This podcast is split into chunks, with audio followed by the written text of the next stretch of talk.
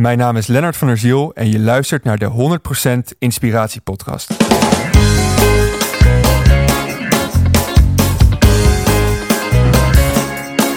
Hey, wat goed dat je luistert. Hij staat weer voor je klaar.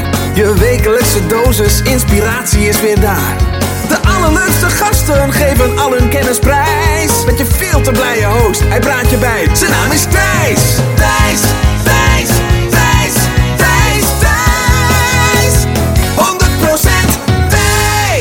Ja, welkom bij aflevering Intens 113. En je gaat zo meteen luisteren naar een bijzonder gesprek tussen Lennart van der Ziel en mij. Nou, en waar ken ik Lennart van? Ik heb Lennart ontmoet op een, ehm, ja, een ondernemers, een mastermind weekend in Frankrijk samen met Albert Sonneveld. En als je deze podcast al wat langer luistert, dan eh, weet je wellicht dat ik Albert een keer heb geïnterviewd. En dan weet je ook dat hij een tijd mijn persoonlijke coach is geweest. En eh, zo ontstond samen het idee om een groep ondernemers bij elkaar eh, te rapen en een weekend onder begeleiding van Albert naar Frankrijk te gaan om te masterminden en om gecoacht te worden door Albert. En ehm, ja, dat gaat altijd onder de noemer van business coaching, maar bij Albert weet je dat het al heel snel persoonlijke coaching wordt en uiteindelijk is je business altijd een weerspiegeling van jouzelf als persoon. Jouw business legt gewoon puur een vergrootglas op de uitdagingen die jij zelf als persoon te overwinnen hebt, op de blokkades, op de overtuigingen die jij zelf als persoon hebt. Ehm, nou, en daar heb ik Lennart leren kennen. En als jij dan ehm, vaste luisteraar van deze podcast bent, dan weet je ook dat een van de conclusies die ik inmiddels heb getrokken op mijn zoektocht naar geluk en succes, is dat verbinding enorm belangrijk is. En als ik het heb over, over verbinding, heb ik het altijd over verbinding met jezelf, verbinding met de mensen in je omgeving en verbinding met de natuur.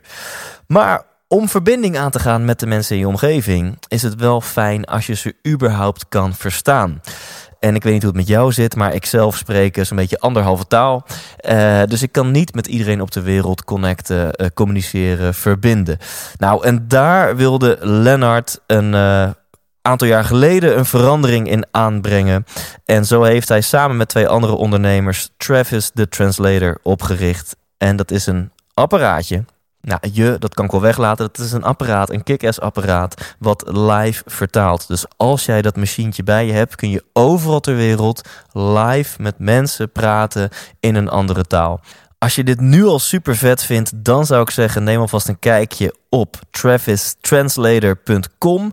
Want uh, daar kun je het apparaatje bestellen. En krijg je gewoon een hele dikke vette 20% korting als je de actiecode 100% inspiratie podcast toepast. Dus check dat op travistranslator.com.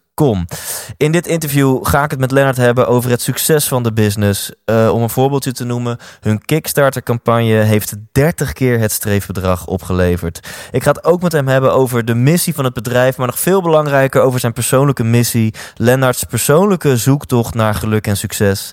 Want ja, omdat ik dat intense weekend met hem heb doorgebracht, uh, weet ik veel over hem en durf ik ook in dit interview de diepte in te gaan en het niet alleen over de successen, maar ook over de fuck-ups te hebben. Welke dat zijn, daar ga je nu achter komen. Hier is Lennart van der Ziel. 100% Thijs! Oké, okay, rock and roll. Leuk man. Um, we zijn in Amersfoort, jij bent mijn kant op gekomen. Lennart van der Ziel staat tegenover mij. Maar goed, dat hebben mensen ook in de intro hiervoor uh, uitgebreid kunnen horen. Je luistert mijn podcast, hè? Ja, zeker. Heel ja. gaaf. Ja, een ja. uh, van de podcasts die ik het meest luister. Dat vind ik, uh, vind ik altijd zo cool als ik iemand mag interviewen die de podcast al kent. En waar we het ongetwijfeld ook over gaan hebben komend uurtje... is dat wij elkaar hebben leren kennen nog maar twee, drie weekjes geleden. Ja. In Frankrijk, eigenlijk op Schiphol. Ja. Daar is de liefde ontstaan. Ja. Uh, had Albertje goed geregeld dat uh, alle vluchten waren gecanceld, waardoor het Mastermind Weekend eigenlijk al begon met een soort van probleemoplossend vermogen slash uh, teambuilding op Schiphol. Ja. Uh, maar ik loop al vooruit op heel veel toffe onderwerpen die we gaan aanstippen. Je kent hem, hè? De eerste vraag. Lieve Lennart, ja, wat, voor, ja. ja, wat wil je worden als je later groot bent? Ja, de vraag van je weet dat die gaat komen. En uh, ja, ik heb erover nagedacht, maar uh, ja, het is toch wel zo'n existentiële vraag. Um, toen, ik hem, nou, toen, ik hem, toen ik erover nadacht, toen dacht ik van, uh, ja, misschien, misschien eh, ben ik al heel veel van, van wat ik wil worden. En, eh, want ik, ik ben al een eh, ondernemer met maatschappelijk eh, impact. En ik, eh, ik hou heel veel dingen heel mooi in balans. Eh, en ik heb al een, eh, een, een foundation.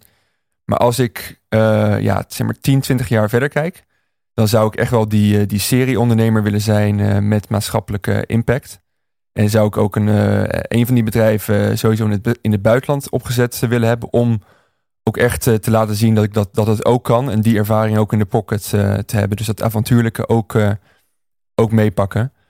Ehm, ja, en nog meer genieten dan ik nu doe. En eh, nog meer impact maken met verschillende bedrijven die, eh, die geweldige producten maken. Maar die de wereld een beetje beter maken. En ook Ja. ehm, ja, veel mensen werk bieden eh, in die bedrijven. die ook een geweldige, geweldige tijd hebben als ze werken. Ja, dus dat maatschappelijke, zeg maar, dat sociaal ondernemerschap, dat zit er bij jou echt in. Want dit is natuurlijk een vraag die, die ja, indirect ook wel iets zegt over wat is nou je missie of je passie. En jij noemt meteen, zoom je in op dat stukje maatschappelijk. Eh, en, en dat zit ook in, in, je bedrijf nu, waar we het Ja. natuurlijk uitgebreid over gaan hebben. Is dat dan iets wat, wat altijd al in jou zat? Want kijk, je had ook, ah, ik noem even iets randoms, een bedrijf kunnen maken wat een een of andere Snickers eh, sportreep met extra proteïne op de markt brengt. Oké, is ook leuk voor die paar weightlifters, maar hè, dat heeft niet echt gigamaatschappelijke impact. Dus jij hebt specifiek, denk ik, gekozen voor een business met maatschappelijke impact. Ja. Eh, zat dat er altijd al in bij jou? Nee, nee, ik denk niet dat dat er eh, al in zat toen ik klein was.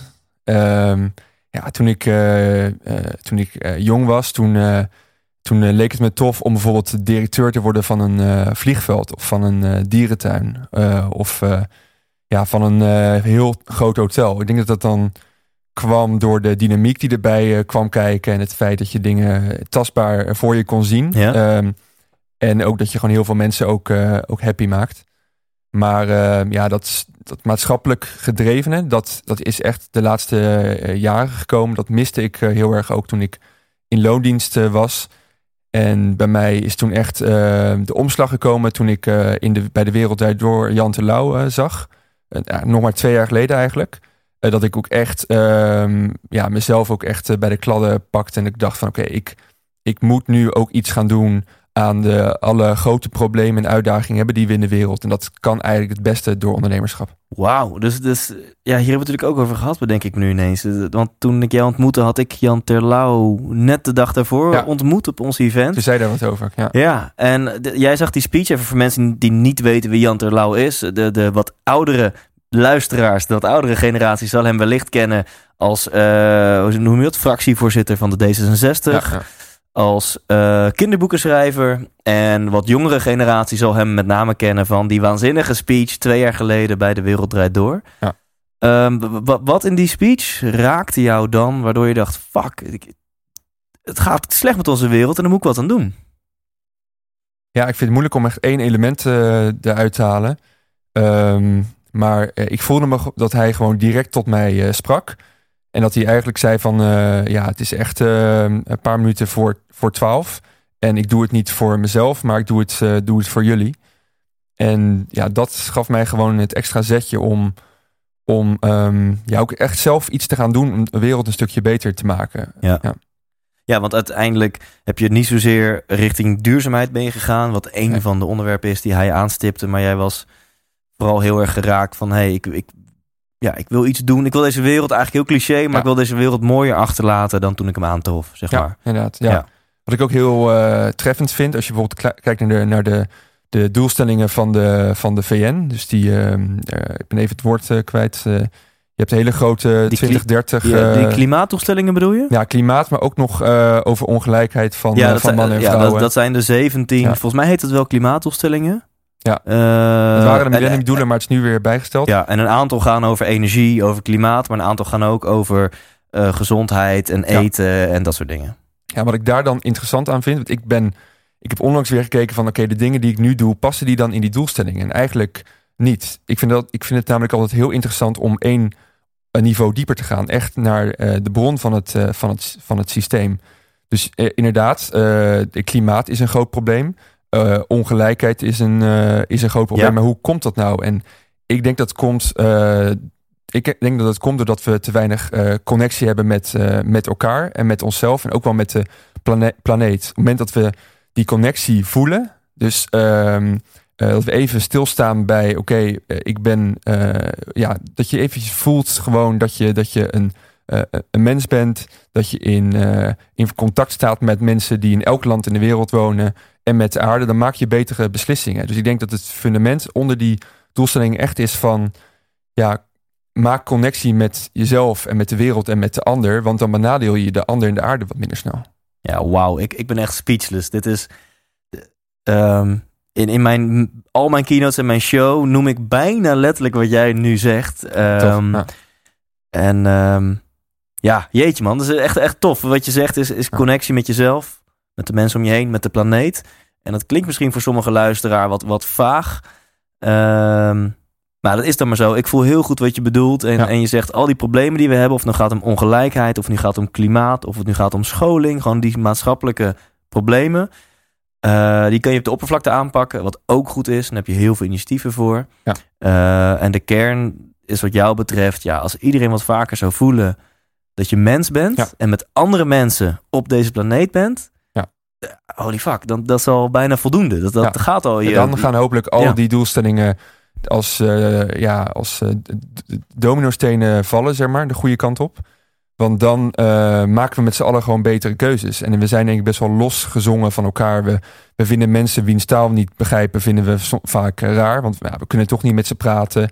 Eh, maar als iemand eh, Nederlands spreekt en je komt hem tegen in, eh, in New York, dan voel je opeens een band. Dus eigenlijk zou die de band met, met, met elkaar gewoon moeten voelen. Ja. Ja, hetzelfde geldt voor, voor, voor de aarde. Daar zit ik dan minder in, in die duurzaamheidswereld. Maar ja, ik denk als je gewoon wat meer be- beseft van dat, dat, het, dat we het hiermee moeten, moeten doen, dan maak je ook betere keuzes. Ja, ja cool. Milan van der Meulen heb ik geïnterviewd. Ik weet niet of dat voor of na dit interview gelanceerd is. Maar als mijn luisteraar dit hoort, is of al getrakteerd of gaat hij nog getrakteerd worden op een eh, podcastaflevering die wel heel erg inzoomt Oh, op die kant. Ja. Ehm, en weet je wat, wat de luisteraar en wat ik hier nu meteen in hoor bij jou? Dit is gewoon een bepaald bewustzijn. Wel een bepaalde manier van denken. Die wat verder gaat misschien dan de gemiddelde mensen. Dus waar, waar, ja, waar, waar komt dit vandaan? Dat je, dat je die, die nieuwsgierigheid, is misschien het juiste woord. Ja. Beginnend bij die maatschappelijke problemen. Dat jij dan die nieuwsgierigheid hebt gehad om dat uit te zoeken. En dat je gewoon even los van de dingen die je doet in je leven. Dat je puur voor jezelf aan het nadenken bent van... hé, hey, maar volgens mij is de oorzaak verbinding. En als we meer in verbinding Ja, staan ja. dan bla bla bla. Dus waar, dat is eigenlijk mijn vraag dan. Waar komt die nieuwsgierigheid eh, vandaan? Ja, dat is een hele goede vraag. Ik vind het moeilijk om daar eh, echt nu direct antwoord eh, op te geven. Ik denk dat het, ehm, dat het ja, waar het denk ik vandaan komt bij mij, is dat ik ehm, ja, van jongs af aan al merkte van dat er een bepaald eh, eh, potentieel eh, in zat. En dat ik ehm, eigenlijk heel vaak mezelf niet goed, niet goed kende. Dus ik wist wel dat er een bepaald potentieel was, maar ik wist niet ehm, wat ik dan vooral tof vond of wat ik belangrijk vond. Dus ben ik gewoon heel veel dingen gaan, gaan proberen. En de dingen die ik probeerde, probeerde ik wel altijd zo goed mogelijk te doen. Maar Ja. vrij snel merkte ik bijvoorbeeld met studie of met een bepaalde baan van oké, dit is hem toch, toch niet. En dat heeft mij wel op heel veel momenten eh, heb ik daar echt heel veel over nagedacht. Een soort van ja, je noemt ja, introspectie, eh, zoals ik dat Mhm. noem. Ja. Eh, dat heb ik ja, op heel veel momenten gedaan. Ik ben nu, ik ben nu 30, dus nog, nog vrij jong. Maar ja, ik denk vanaf mijn twintigste heel vaak momenten gehad dat ik dacht van ja, maar wat, wat is nou echt belangrijk? Wat, waar, what makes me tick? En waar ben ik goed in? Ehm, en ik ben dat ook steeds beter ook gaan, gaan toepassen. Met vallen en opstaan. Ging niet altijd goed, maar ja, ik denk dat het daar vandaan komt. Ja, ja cool. En ehm het is misschien een mooi linkje, want, want mensen, we zijn nu denk ik best wel nieuwsgierig, want je zit hier niet voor niks in deze podcast. Dat zijn meestal mensen die een heel tof verhaal hebben en of hele grootse dingen hebben bereikt. En jij bent echt met iets ontzettend groots bezig. Of je nu ondernemer bent of niet, dat is echt gewoon inspirerend voor iedereen om te horen. Dus laten we daar lekker naartoe gaan werken. Ja, ja. En ja, je gaf zelf een mooi bruggetje aan. Laten we ook bij het begin beginnen. Ja. Want ehm, nou, dat, dat, dat directeurtje zat al in jou. Want je dacht als kind al, ik word ooit directeur van, ehm, wat noemde hij niet, een pretpark, maar een hotel dierentuin. of Of dierentuin. een, eh, ja. Ehm, en jij bent in eerste instantie begonnen niet met een eh, studie economie of ondernemerschap of eh, bedrijfskunde, maar je bent begonnen met rechten. Hoe, eh, hoe is dat gebeurd? Hoe is dat? eh, ja, vertel. Ja, ehm, Ja, op de mi- middelbare school eh, kom- komt op een gegeven moment het moment dat je een studie moet, moet kiezen. Ja. En ik vond het erg lastig, omdat ik gewoon zoveel verschillende dingen leuk vind. Ik ben denk ik heel, heel breed onderlegd. Dus ik had zeg maar de, de moeilijkste vorm van wiskunde, maar ik had ook geschiedenis en economie. Ik vond eigenlijk alles leuk en was nergens echt heel, heel slecht in. Ehm, ja, ik kwam uiteindelijk wel achter dat echt die beta-kant, dat het niet iets voor mij was. En eh, toen ben ik eigenlijk in Rotterdam eh, eh, ben ik, ja, economie en rechten gaan studeren. Du- dubbel, dubbel studie. Vrij snel kwam ik, er, kwam ik erachter dat ik ja, hele, toch een hele andere voorstelling had van, van economie. En ik moet ook wel eerlijk zeggen dat ik denk mijn eerste jaar wat vaker in de, in de kroeg hing dan in de collegebanken. Dus ehm, ja, ik vond het toen wel heel moeilijk om ook met, die, met al die vrijheid om te gaan in het, in op de universiteit. Ja. En toen kwam ik wel achter dat ik, eh, dat ik rechten eh, ja, toch wel heel leuk vond. Ik, hou, van, eh, ik hou van taal. Ik vind het heel leuk om, om daarmee te spelen. En ik vind het ook interessant om altijd naar dat systeemniveau te gaan. En ja, onze, ons land, onze wereld hangt gewoon aan elkaar. ja, van contracten, bepaalde wetgeving. Dat is zeg maar de, de, de basis toch waar we, waar, we, waar we heel veel dingen op doen. Dus ik wilde dat heel goed eh, begrijpen. Ja. En daar dus vol ingedoken in die, in in die studie. En eh, ik dacht van oké, als ik dit nu aan het doen ben, dan kan ik net zo goed proberen om eh, naar het hoogst haalbare te gaan binnen, binnen het juridische. Dat is dan ja, mijn optiek de, de, de advocatuur op de, op de Zuidas. Dus daar dan in die jaren ja, heel erg naartoe gewerkt met hoge cijfers en stages en, en, en zoveel mogelijk ja, doen om daar, daar terecht te komen. Maar ik kwam op een gegeven moment ook wel erachter dat dat niet helemaal mijn, eh, mijn wereld was. Ja, maar waar kwam die, ehm, die drive eh, vandaan? Is dat, eh, als je heel eerlijk bent naar jezelf, hè? want het kan natuurlijk gewoon ambitie zijn, kan ook een bepaalde bewijsdrang zijn. Ja. Jij ging niet zomaar rechten doen, je wilde alles cum laude halen. Heb je Ja. ook nog gedaan ook, weet je wel. Je zag jezelf al op die Zuidas zitten. Waar komt die, die drive vandaan? Ja, nou, goede vraag. Ik, ik ehm, denk dat het komt eh, omdat ik eh, ja, toch wel van mezelf net even wat meer verwacht dan van de gemiddelde persoon. Dus ik hou niet zo van verwachtingen opleggen aan anderen, maar wel ja, hoge verwachtingen aan mezelf eh, opleggen. Dat heeft er altijd wel, wel, wel ingezeten. Ehm, ja, ook wel omdat ik gewoon besef van dat ik bepaalde talenten heb. Dus dat het zonde is om die niet, niet in te zetten. Ja. En ja, als ik die talenten dan toch heb eh, in je leven maar één keer, eh ga, dan, ga dan ook gewoon volledig, volledig benutten. En dat wil niet zeggen dat ik, eh, dat ik alleen maar in de, in de, in de boeken zat. En eh, ik heb ja, van alles gedaan en ook heel erg genoten van het studentenleven. Maar ja, ik kan wel heel erg hard zijn voor mezelf. En ja, ik heb ook een jaar gehad dat ik bijvoorbeeld eh, 120 studiepunten, het dubbele aantal studiepunten haalde. dat is Ja. niet normaal, Ja, man. en daarnaast ook nog wel in de kroeg stond één keer per week, maar gewoon Ja. Van 9 uur s ochtends tot 9 uur s avonds gewoon college volgde en studeerde. en denk je dan dat dit gewoon echt vanuit jezelf komt? Ik bedoel, je bent 15 april jarig, je bent een ram net als ik, dus Ja, het ja. resoneert bij mij wel. Ehm, komt het echt uit jezelf? Denk je dat je gewoon de, de, de meest... Niemand in de wereld is zo streng voor jou als jijzelf? Of, of komt het... Zie je ook wel een linkje naar misschien een van je ouders of je omgeving die, die, die druk op jou legt? Nee, juist, juist helemaal niet. Nee, ik denk dat bij mijn eh, omgeving en mijn ouders vonden heel vaak ook al een, eh, een 7 ook eh, prima. En echt dat ja, exceptioneel willen presteren, dat kwam echt uit mezelf. Misschien wel als een, als een rea- reactie dan op mijn omgeving. Dat ik dacht van, ja, ik, ehm, ja die, die verwachtingen krijg ik niet. Nou, ik, ik leg ze mezelf al op, omdat ik ja, het gewoon heel gaaf vind om gewoon te kijken waar ligt nou echt mijn, mijn maximum, waar, kan- waar kan ik komen. En ehm, je hebt cum laude, die rechtenstudie gehaald, 120 punten, man. Dat is niet normaal. Vertel daar trouwens even wat over. Hoe dan? Ja, dat was na mijn eh, bestuursjaar. Nou, ik heb een jaar een, eh, eh, een hele grote studievereniging gerund met 4000 leden, een paar Ja. ton omzet. Dat was heel, heel, heel gaaf. En daarna dacht ik van oké, ik moet nu echt even gas geven met, met studeren. En toen ben ik nog naar de studieadviseur gegaan. En toen zei ik van dit is mijn plan om bijna twee jaar in één te halen. En die, die wilde gewoon heel snel naar mijn master doen. En eh, die studieadviseur die, die raadde het natuurlijk af. Maar ik ben heel erg eigenzinnig en heel erg eigenwijs. Dus ik denk dan van juist, juist van oké, eh, watch and learn. Ja, ja. En wat, heb je, wat, wat ben je gaan doen na je studie? Was dat eh, inderdaad richting de Zuidas? Ja, bijna, bijna, ben, bijna ben ik daar terechtgekomen. Ik heb uh, op het eindfase van mijn studie heb ik uh, een paar maanden op de Zuidas uh, doorgebracht als stagiair. Maar ik merkte echt dat, dat ik daar niet gelukkig van werd. En ik, ik zag toch uiteindelijk wel een klein beetje beter wat, wat dan de juridische wereld is. Ehm, die lossen problemen op, heel nuttig. Maar het zijn vaak de problemen die met je achter de business aan hobbelen. Of de papierwinkel die, die achter de business aan wordt gesleept. Ja. En ik vond het veel interessanter om eigenlijk op het voorfront van die, van die business te zitten. Van oké, waar gaan we met onze innovatie naartoe? Wat is de Ja. toekomst? Ja. Dus je zou dan, als je in de, in de rechte sector was gebleven, had je echt iets willen veranderen in die sector. Van daar een toffe tool of wat dan ook voor ontwikkelen.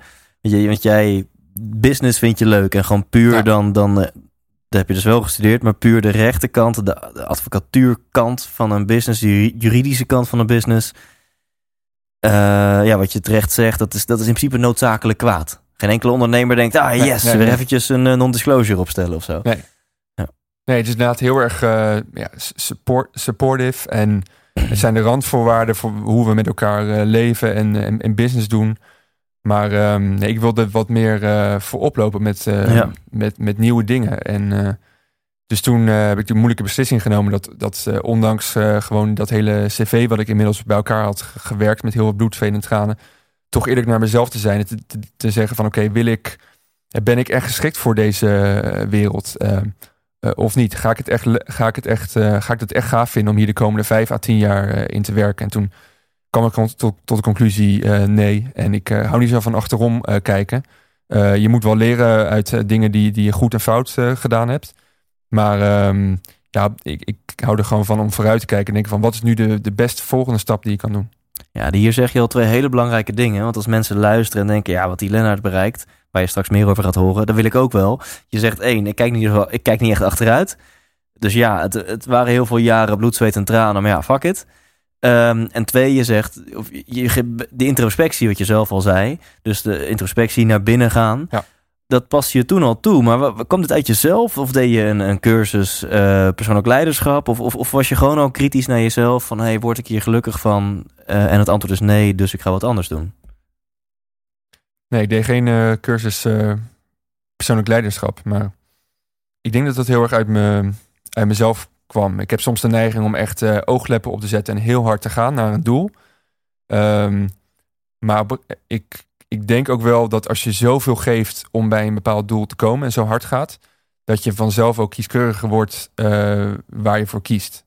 Want het kost gewoon veel energie. Het kost gewoon bloed, zweet en tranen. Ja. Dus dan ga je toch even nadenken van oké, wat is het eerstvolgende wat ik ga doen? Dat wil ik ook goed doen, maar even pas op de plaats maken en eh, wat gaat het dan zijn? En uiteindelijk ben je ondernemer geworden. Ehm, wist je dat toen al? Je wist van oké, eh, rechten, nou, dat wordt hem even niet.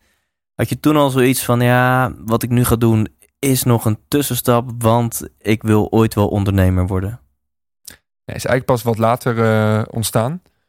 Ik vond het altijd wel ehm, interessant, maar het was voor mij zo'n ver van mijn bedshow. Ik was net afge- afgestudeerd jurist en ik wilde juist weer meer die, dat bedrijfsleven in en die eh, innovatie in.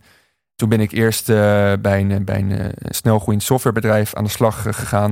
En ik wilde daar eigenlijk gewoon eh, business en marketing en sales leren. Dus ik had, dat was het eerste wat Ja. ik wilde doen. En teams eh, vormen en teams leiden. Dus daar lag toen echt die nadruk eh, op. Ja. Ja, dus daar, ja, dus dit is wel heel cool. Uiteindelijk ben je ook ondernemer geworden. Ja. Het was toen nog niet jouw droom of jouw doel, maar je was onbewust misschien wel, wel alle input aan het verzamelen om ooit dat ondernemerschap te kunnen uitvoeren. Want je bent volle Ja. bak richting sales en richting marketing en richting business gegaan. Ja.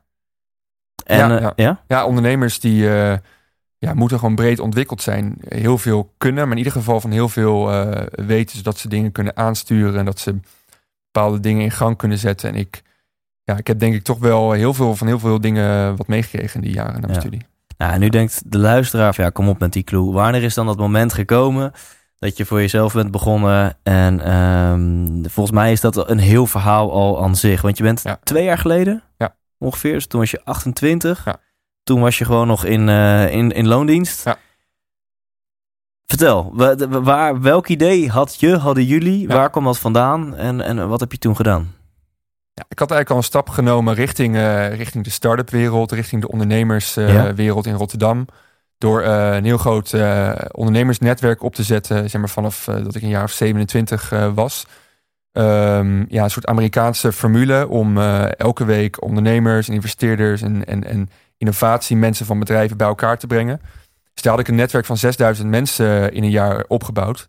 Wow. Um, met wekelijkse kennis-events en netwerk-events dat, dat bracht me eigenlijk al van een beetje vanuit de, de, de, de corporate wereld in de ondernemerswereld met een, uh, ja, met een heel groot netwerk wat ik eigenlijk binnen een jaar had opgebouwd. Uh, en ook heel veel momenten waarin ik ondernemers tegenkwam die met inspirerende toffe dingen bezig waren. Ja. En ja, bij, een, bij meerdere van die, van die ondernemersavonden kwam ik ook twee, uh, twee, twee gasten tegen, twee jongens tegen die, ja, die, wie, met wie het gewoon heel goed klikte. En die, die waren zelf bezig met een nieuw concept. Dus een manier om, ehm, om hardware uh, gerelateerde eh, startups, om die eigenlijk succesvol te, te, lanceren. Omdat het in Nederland vaak heel moeilijk is om een, om een, een nieuw bedrijf wat een, uh, een hardware product maakt, dus, dus een, ja, iets, iets tastbaars, maar ook waar technologie in zit, ja. om dat succesvol van de grond te krijgen. En daar zaten zij heel erg op. En ik hoorde toen die speech van, van Jan Terlouw. En bij mij was het toen heel duidelijk dat ik gewoon maatschappelijk uh, wilde ondernemen. Maar ik heb ook die drive in me om iets heel groot en heel ja, winstgevend te maken. Ik geloof niet zo in die, in die marge van iets heel kleins maar goed doen. Maar liever heel groot en misschien hier en daar wat steekjes laten vallen, maar wel in de goede richting. En toen ja, wij met z'n drieën samenkwamen, was het eigenlijk duidelijk hardware met een maatschappelijke uh, impact. Wauw, ik vind het zo cool hoe dit allemaal samenkomt, weet je wel. De, de kleine Lennart die toch al directeur wilde worden, dan de grote Lennart die knijter gedreven is en wat hij ook doet wel die introspectiekant ook goed aanpakt. En dan meer de businesskant oprolt. Geïnspireerd raakt door een speech van Jan Terlouw. Uh, uh, dus je wil iets maatschappelijks doen. Je, je, je zet, zet een netwerk op van 6000 ondernemers. Waardoor je ook elke week met ondernemers in contact bent. En na een tijdje ontmoet je gewoon de perfecte twee dudes. Die, die met, met een idee komen van nou, we willen in elk geval startups die een hardware, maar wel een, een technologisch hardware product zeg maar, op de markt ja, willen brengen. Ja, en toen dacht jij, ja oké, uh, cool, I'm in. Maar kunnen we dan niet Wel maatschappelijk... duidelijke voorwaarden. Ja. Precies, maatschappelijk tintje. En, en hoe...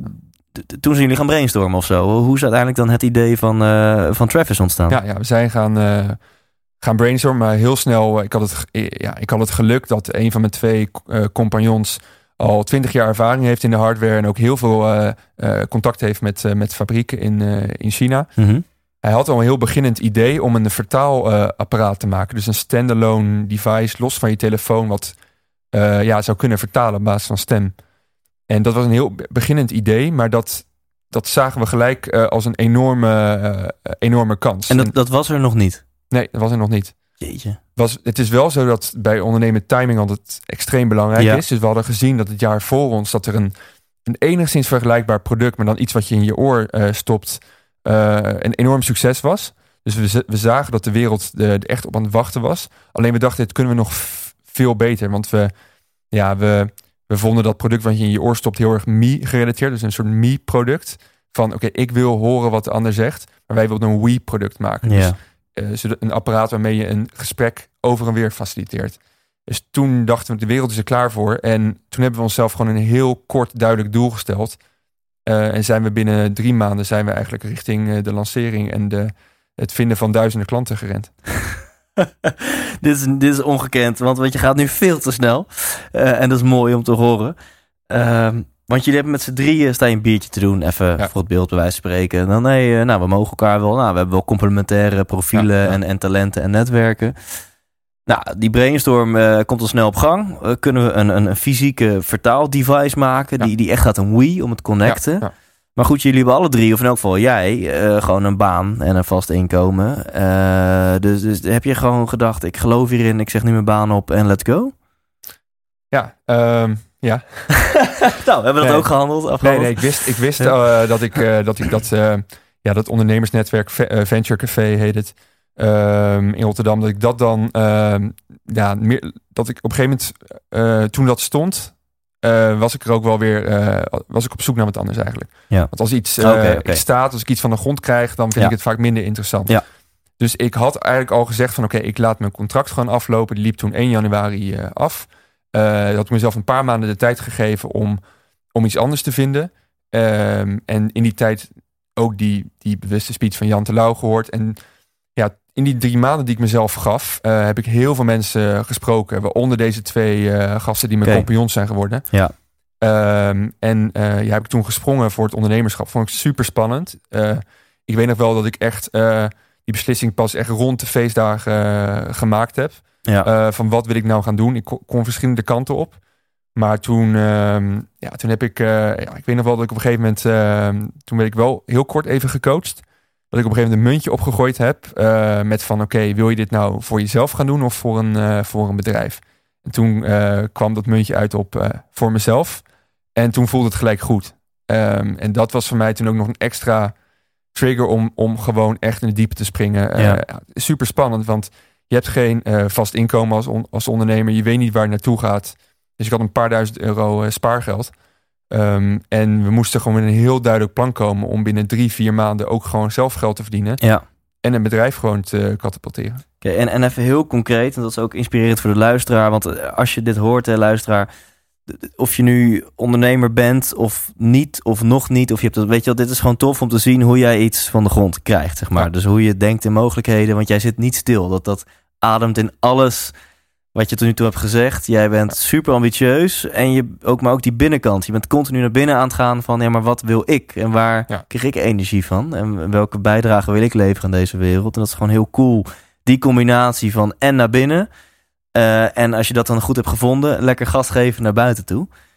Um, en welke vraag wilde ik stellen? Ja, dus, dus, dus even concreet. Die andere twee waren al wel ondernemer, denk ik. Ja.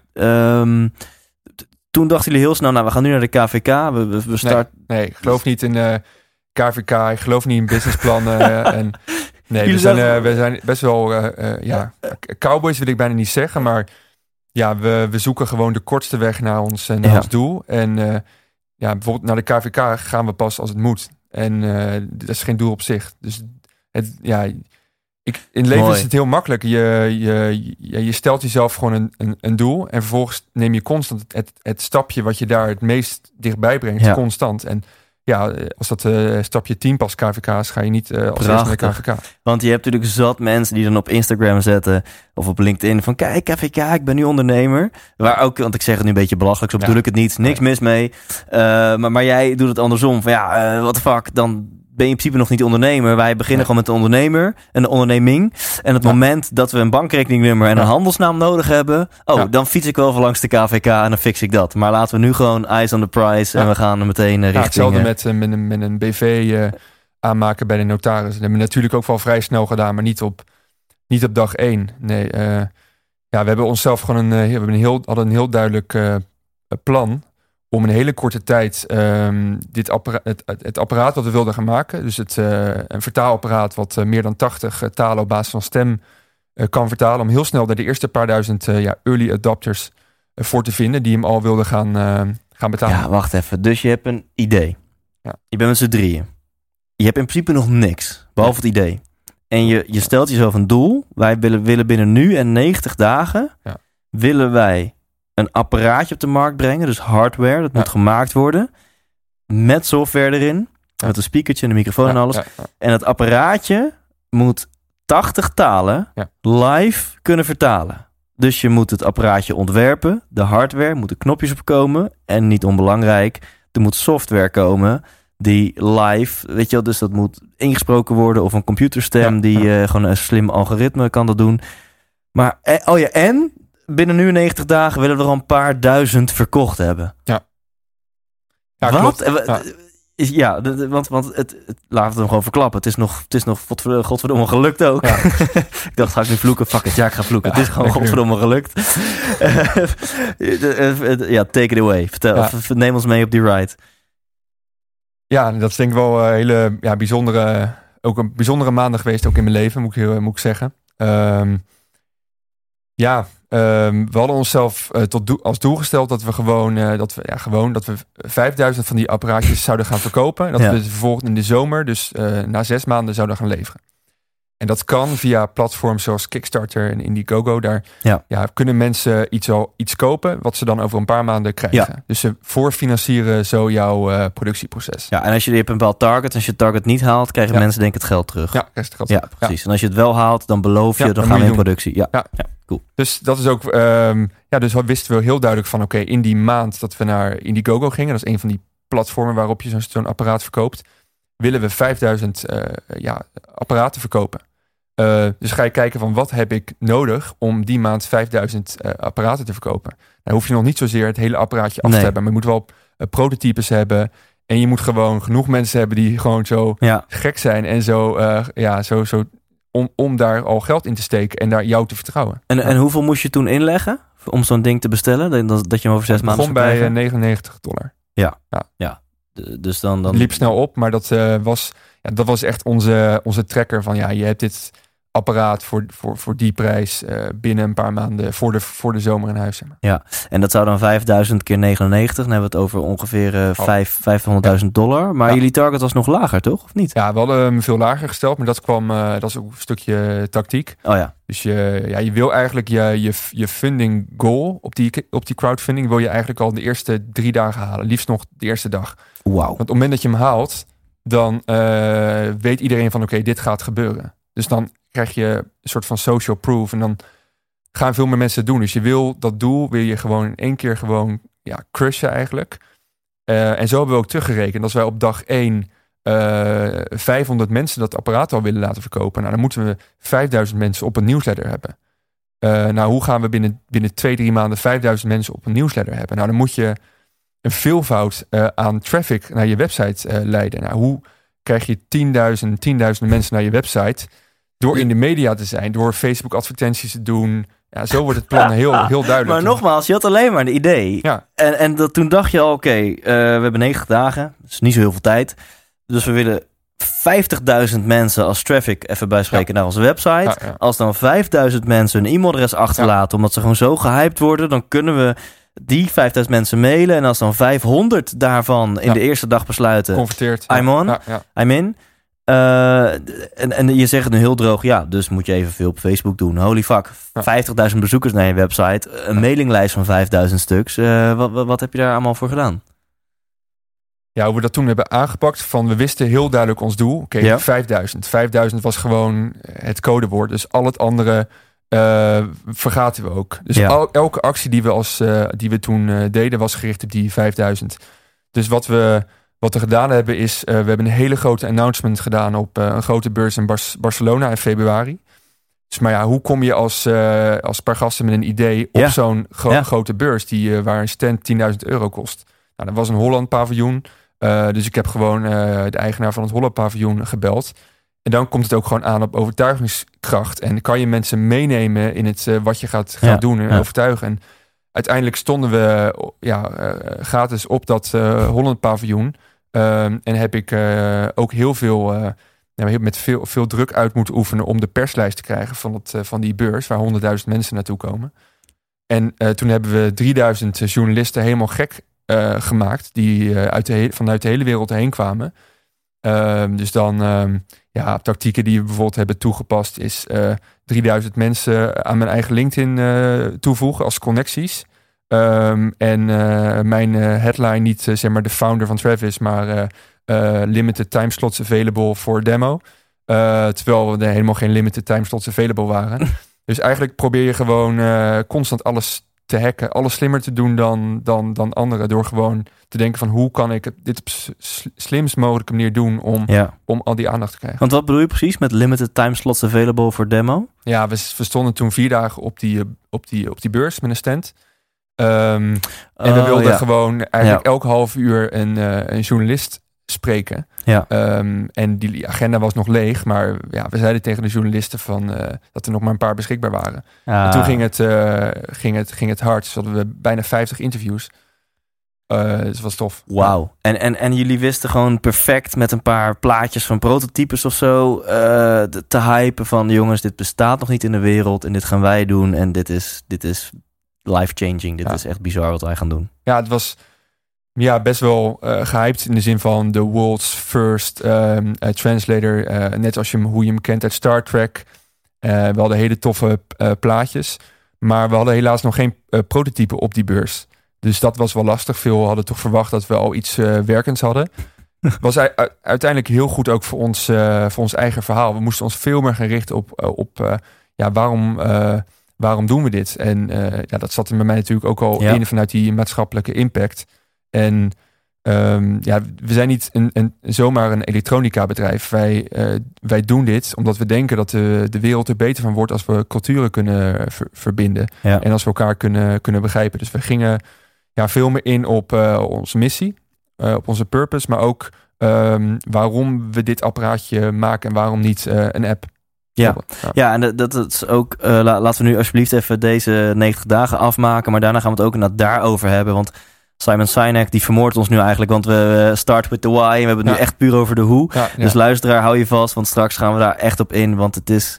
Als je nu denkt, ja, is dat nou echt zo uh, life-changing, een vertaalapparaatje? Nou ja, er zit, dat is echt wel life-changing. En er zit een heel mooi verhaal achter, wat heel mooi aansluit op, op wat jij eerder dit interview zei, verbinding. Ja, en dat verbinding misschien wel de oplossing kan zijn naar, uh, naar wereldvrede, bij wijze van spreken. Um, dus dat ging lekker. 50 interviews. Dat doe je natuurlijk niet alleen, hè? Want wij hadden ook, um, ik heb nog eens teruggekeken, maar de, wij hadden in vijf maanden tijd 30 mensen in ons team uh, zitten. Dus um, ja, het waren niet allemaal fulltime mensen. En dat, ja, dat was een stukje community vorming eigenlijk, wat, wat ik voor mijn rekening nam. Um, dus ik kan me ook nog herinneren dat we bijvoorbeeld uh, zagen dat er uh, na een publicatie uh, in Zuid-Amerika 10.000 mensen uit Zuid-Amerika naar onze website keken. Dat we en toen in twee dagen alles wat we hadden vertaald hebben in het Spaans. Dus het is heel erg kort op de bal zitten. Um, en gelukkig hadden jullie inmiddels wel wat kaas gegeten van vertalen. Ja, ja, dus het is gewoon heel erg in het, in het, ja, in het moment zijn en bedenken van oké, hoe wat kan ik vandaag het best doen om dichter bij mijn doel te komen. Dat was, het ene moment was dat uh, uh, alles in het Spaans. vervolgens dachten we, nou, dan moeten we, laten we de persberichten ook gewoon in tien talen aanbieden. Nou, dan, dan vind, je zo, vind je wel tien mensen in je netwerk ja. via via die Russisch en Duits spreken. En dan heb je het in een weekendje vertaald. Ja, echt, echt lieve mensen, lieve luisteraar, hoor dit. Hè? Wat voor pitbull die Lennart is. Want dit is echt... Weet je, in, in mijn, mijn duurzame keynote stel ik een verhaal over Maurits Groen. En dat is ook, hij is onder andere oprichter van de Wakka Wakka lamp. Daar heeft hij honderdduizenden levens comfortabeler meegemaakt. Maar vooral ook heel veel duizenden levens mee gered. Uh, dus, en dat vind ik zo mooi. How one man of three men, weet je, hoe je met één goed idee een verschil kan maken. Maar dan, als je puur het topje van de ijsberg zou zien en jullie resultaten zou zien, denk je, nou, die, uh, die hebben mazzel gehad, die gasten. Of oh, die waren op het juiste moment op de juiste plek. Maar als je nu dit hoort, weet je, hoe. Je, voelde je ook toen van we're on to something, weet je, want dit is insane, weet je, je hoort ook uh, die energie die je erin stopt, die je echt, ja, die je ook echt ehm, ja, hoe zeg je het, in acties vertaald, die krijg je ook weer constant terug. Want je ziet de resultaten van je acties. Dus constant olie op dat vuur. En er is een soort unstoppable force eigenlijk. En het team wordt groter. En elke dag zijn er succesjes. Ook soms niet. Soms heb je een dag dat het echt uh, even tegen zit. En dat, je, dat, het helemaal, dat het helemaal niks is. Dus het is echt hele hoge ups. En soms ook diepe, diepe downs. Maar ja, die start was gewoon één ja, grotendeels rechte lijn. Ja. Want die start, hè? Jullie hadden hoeveel ja. e-mailadressen hebben jullie uiteindelijk verzameld toen de? ik denk vijf en half duizend. Ja, dat is mooi. Dus ook gewoon power focus. Ja. En toen, wat was jullie target op de, op de Kickstarter pagina? Of, um, of? 80, 80.000, maar achteraf hadden we 50.000 dollar moeten doen.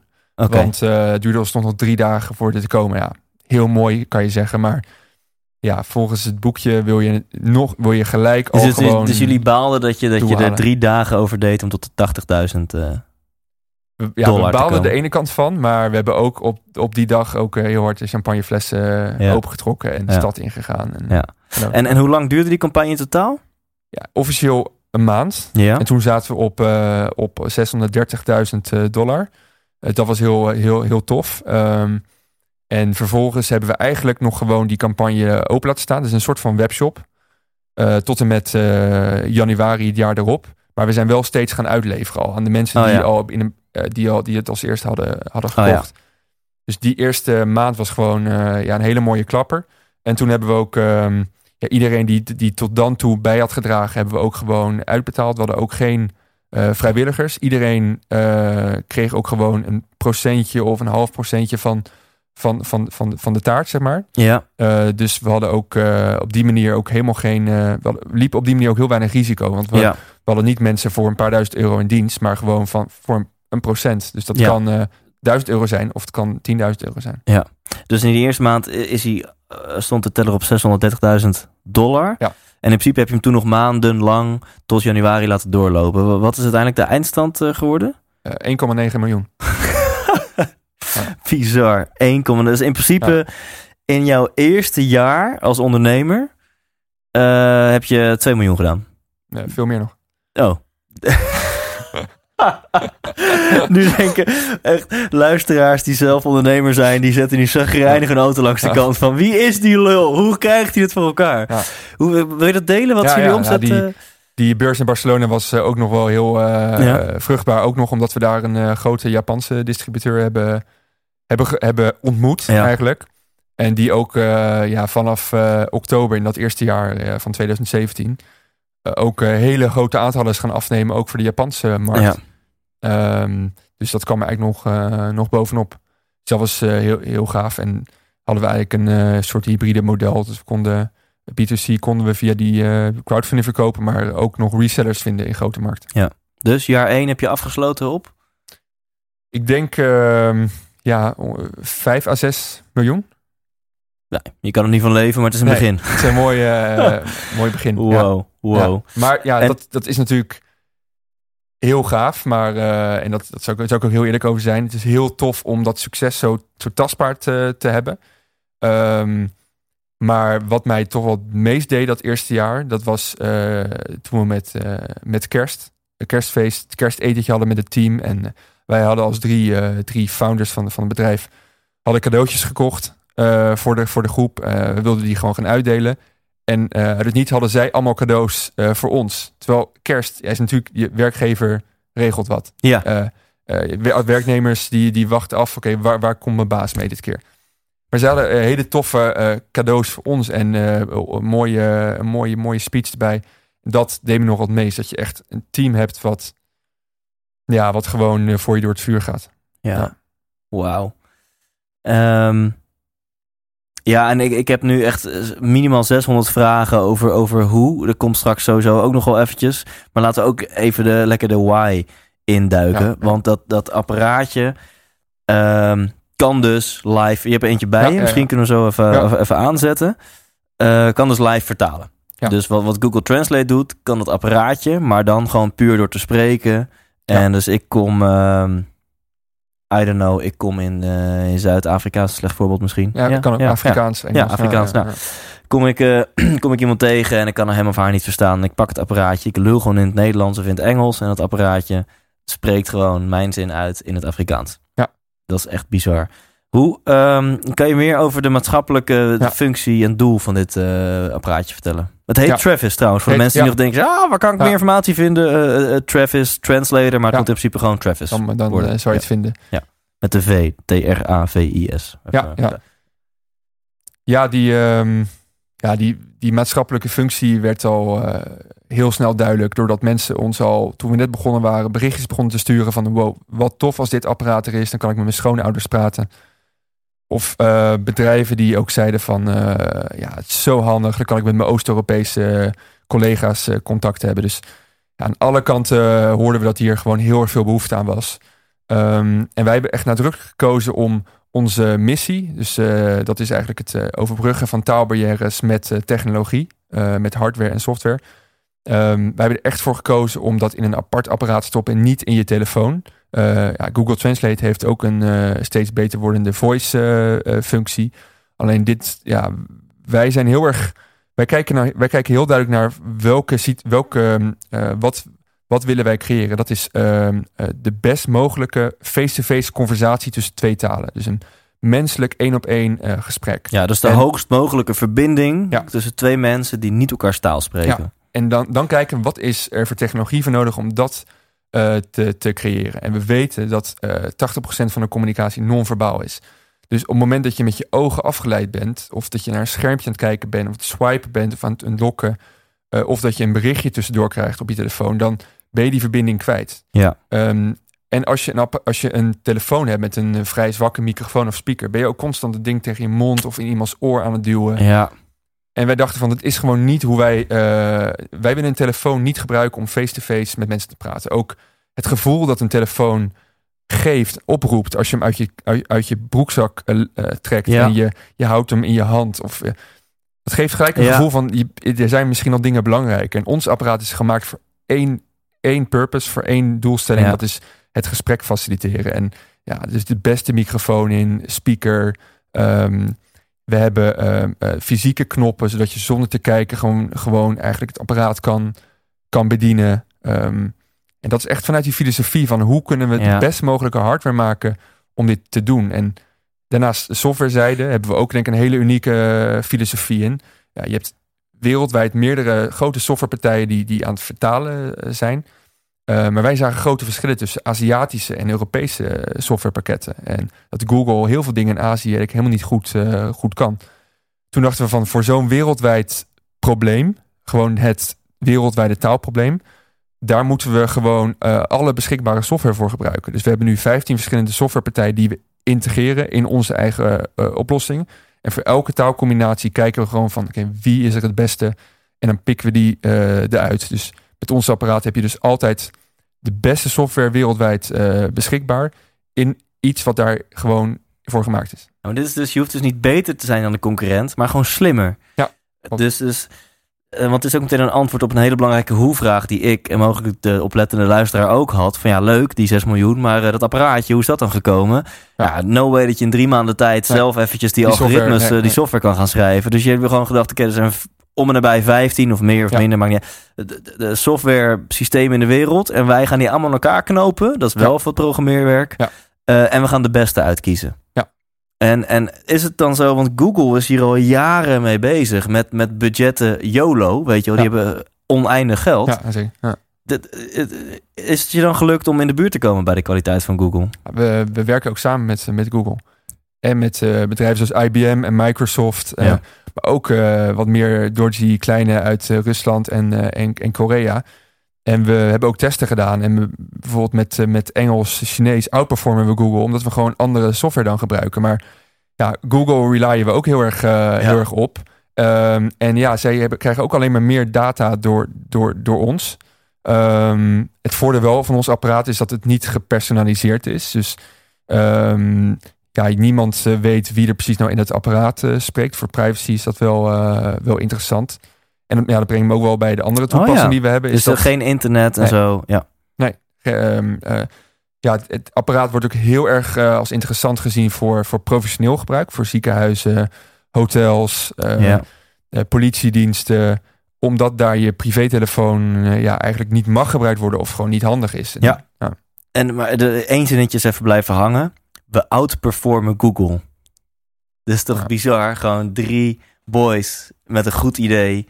Ja. Binnen een, een, jaar tijd bouw je, of eigenlijk binnen zes maanden tijd, bouw je een apparaat ja. waarmee je de, de, grote Google outperformt. Op, op, op een van hun grote diensten, zeg maar. De Google Translate is niet even een klein dingetje on the side, weet je wel? Ja, ongekend. Ja, dat is denk ik de, de kracht van focus, maar ook uh, van uh, samenwerken. En dingen een stapje terug doen en niet je blind staren op, op, uh, op één softwarepartij of, of het zelf willen doen. Maar hoe kan je door samen te werken verder komen? Ja, ja.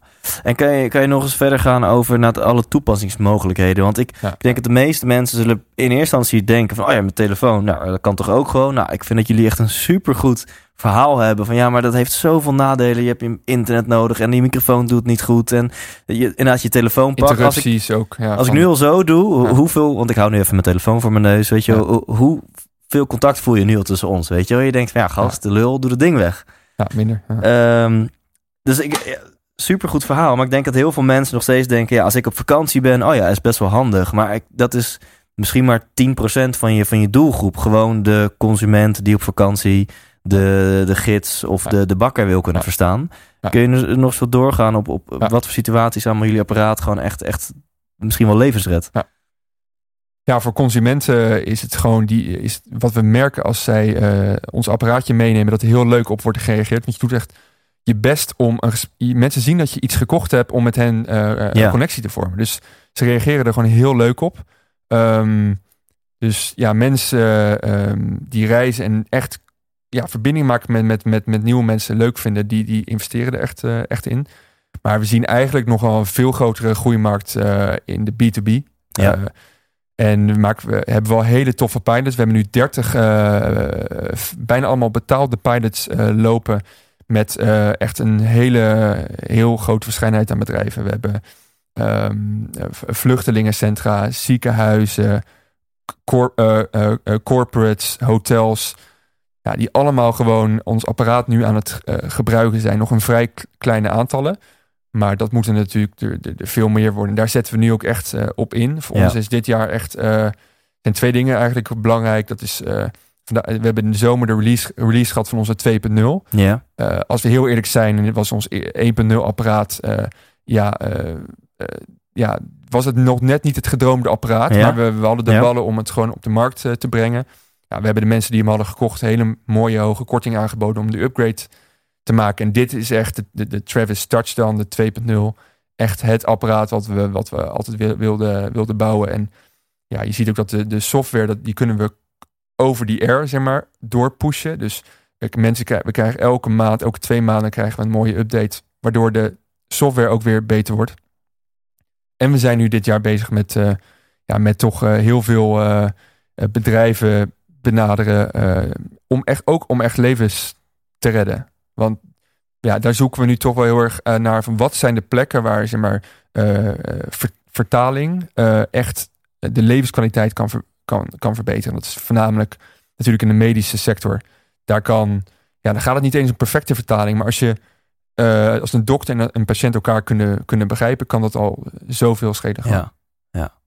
Wauw. En dan inderdaad, ziekenhuizen, vluchtelingencentra, eh, ga zo maar, maar door. Ehm, als je dat zo hoort, en je noemde net nou, pilots met relatief kleine aantallen, maar als je dat zo hoort, denk je, holy fuck, relatief kleine aantallen. Dit zou toch, dit zou iedereen ter wereld op zijn minst Ja. moeten weten dat deze optie er is. Ja, nou, we hebben een hele grote opgave. We hebben ja, eigenlijk een eh, big, hairy, audacious goal. Dus een heel eh, uitdagend doel gesteld.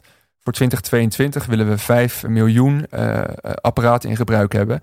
Als een soort van ja, points of understanding. Dus ja, om punten te creëren, plekken te creëren waar, waar mensen elkaar gewoon kunnen verstaan. Ja. En dat is ons grote doel. Dus die, Dus, dus niet 5 miljoen mensen bereikt, maar nee, je wil 5 miljoen verkochte apparaten hebben. Apparaten in gebruik. Ja, in gebruik en het liefst op plekken waardoor ze gewoon eh, ja, dagelijks continu eh, worden gebruikt. En eigenlijk ehm, ja, waar gewoon taal, taalbarrières eh, geen belang meer hebben. Ja. Dat er gewoon eigenlijk bij ja, ons, Ja. ons doel, onze droom is eigenlijk wat nou als we met z'n allen één taal zouden spreken.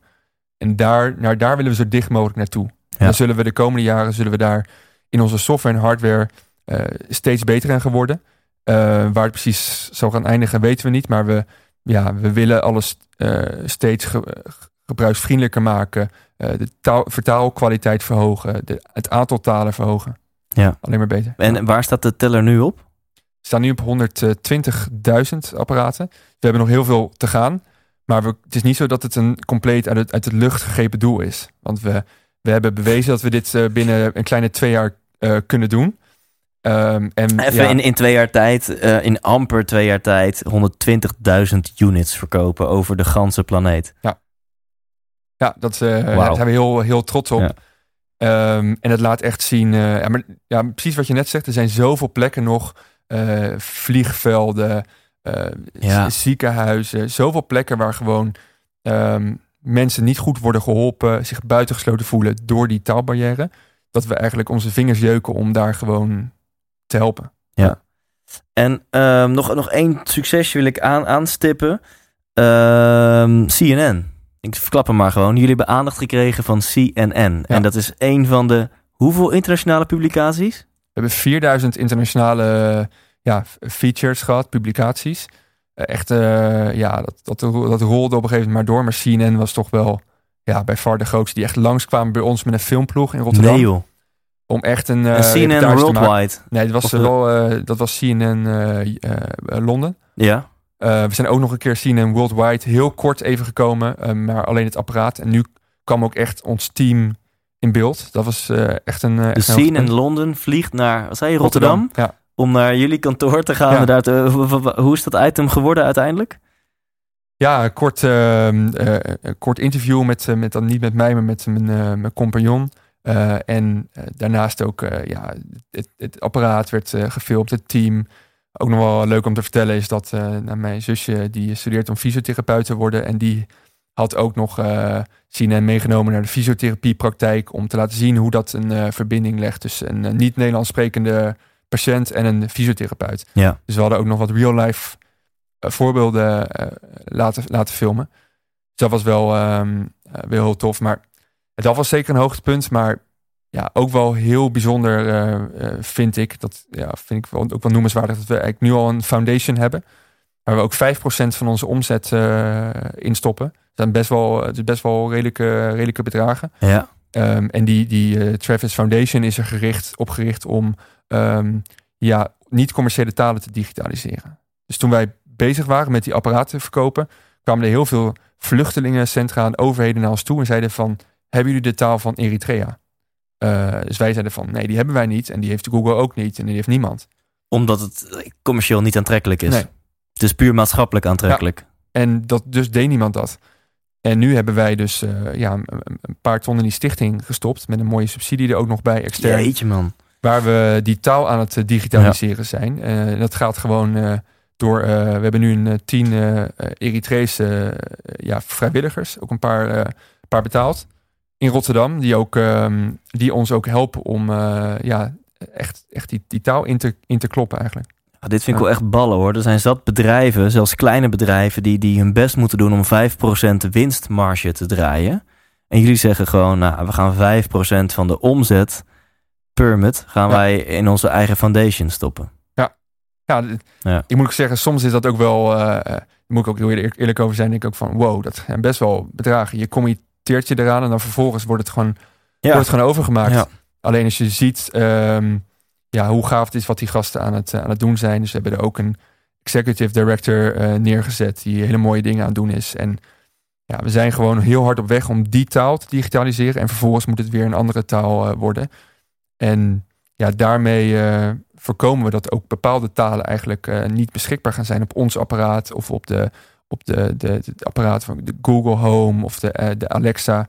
Dat die mensen er eigenlijk, eigenlijk tussenuit gaan vallen. ja, want alleen het eerste jaar, hè, 5% van die 6 miljoen is al 3 ton, als ik dat even snel goed Ja. uitreken. Dus moet je je voorstellen, het ene moment heb je een idee, een jaar later is dat idee mega succesvol en stop je ook nog even 3 ton in een stichting, gewoon Ja. on the side.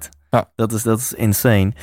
Ehm, ja, en la- laten we dan ook even over jou hebben. Wat, wat, Ja. wat doet dit met jou persoonlijk, deze giga verandering in, je, in je leven? En, en, en hoe heb jij daar en je omgeving op gereageerd? Ja, het was een hele, hele intense periode. Dus ik heb, ik heb altijd eh, hard gewerkt. Het was eigenlijk nooit eh 9 tot 5. En altijd gericht op, eh, op hoe kan ik hele mooie ja, prestaties neerzetten. Maar met dat ondernemen valt zeg maar, je, je plafond valt weg. Want je, je kan echt gewoon sky high gaan. Dus je weet ook alles extra wat je doet Ja. kan nog meer impact maken. Dus je, je, er zit eigenlijk geen, geen, geen rem meer op. En ook als je ziet dat, dat de energie die je instopt ook terugkomt. Ehm, en je jezelf van dit soort doelen stelt, dan ja, is het wel, eh, ja, is het wel heel eh, aantrekkelijk om, heel makkelijk om gewoon te veel te gaan werken en Ja. jezelf voorbij te lopen. Jeetje, mooi geformuleerd, man. Als je ondernemer bent, en dat zal ongetwijfeld ook wel in sommige jobs gelden, maar jij zegt heel mooi, dan is er geen plafond. Nee. En dat is voor mij super herkenbaar. En ik denk voor heel veel mensen die luisteren, van ja, inderdaad, er is niemand meer die jou gaat tegenhouden. En er is ook geen grens meer of zo. Dus als je, als je, als je ram bent, als je ambitieus bent, Ja, dan ja. Sky's the limit, dan ga je alle kanten op. Ja, dat, eh, dat heb ik zeker ook eh, ervaren. Want, Ja. want eh, uiteindelijk is het ook met een prijs gekomen voor jou. En alles komt met een prijs. Ja. Die quote leen ik dan ook even van mijn goede vriend Tibor. Die zegt alles kan, alles heeft een prijs. Ja. Nou, die prijs hoeft niet altijd super nadelig te zijn. Maar die prijs is er altijd. In jouw geval is die ook, ook best wel ja, hard gekomen, als ik het zo mag stellen. Ja. Kan je eens vertellen over hoe, hoe, hoe zagen jouw weken eruit? Uh, want uiteindelijk heeft jouw lichaam een signaal, signaal gegeven van... oké okay, Lennart, dit is even te veel. Voor, voor die periode, hoe zagen jouw weken eruit? Hoeveel uren maakte je? Ja, kan niet, niet, zijn niet echt dingen waar ik nou heel trots op uh, ben om dat dan uh, te delen. Um, maar ik, ik, werk, ja, ik werkte eigenlijk sowieso altijd wel echt hard. Dus altijd wel, ja, daarvoor ook al een loondienst, minimaal 60 uur. Uh, maar toen ik ging ondernemen, dacht ik echt van oké, nu moet het gebeuren. En ik vond het heerlijk om helemaal los uh, te kunnen gaan zonder baas. Um, en toen was het eigenlijk van, eigenlijk werkte ik altijd.